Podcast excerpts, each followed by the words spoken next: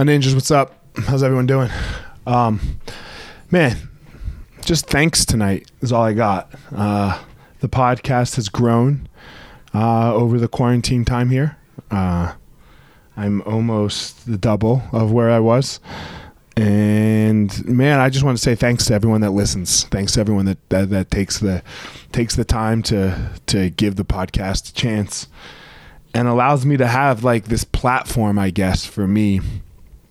Um, I've almost like verbal vomit, you know, of almost just like getting out my feelings, and it really helps me, you know, it really helps me to say what I'm feeling and say what I'm thinking, and that way it doesn't just swirl around in my head, you know, because I know for me, when the thoughts swirl around in my head, uh, they can go to dark places and to. Uh, they're not like dangerous dark places, but like sad dark places. Like I, I go, I go down a bad road or a bad path. So uh, I feel like this has really helped me, you know. Um, and I don't even know why. Like I don't even know why I started doing it every day. You know, uh, but it's it's made it's it's it's just been so it's been great, you know. And then the response has been great. So that it's been it's been very very therapeutic for me. And I just wanted to say thank you uh, to all of you that listen, to all of you that reach out to me, uh, to all of you uh, that just give it a minute of your two minutes, three minutes. I don't know. Sometimes it's four minutes of your day.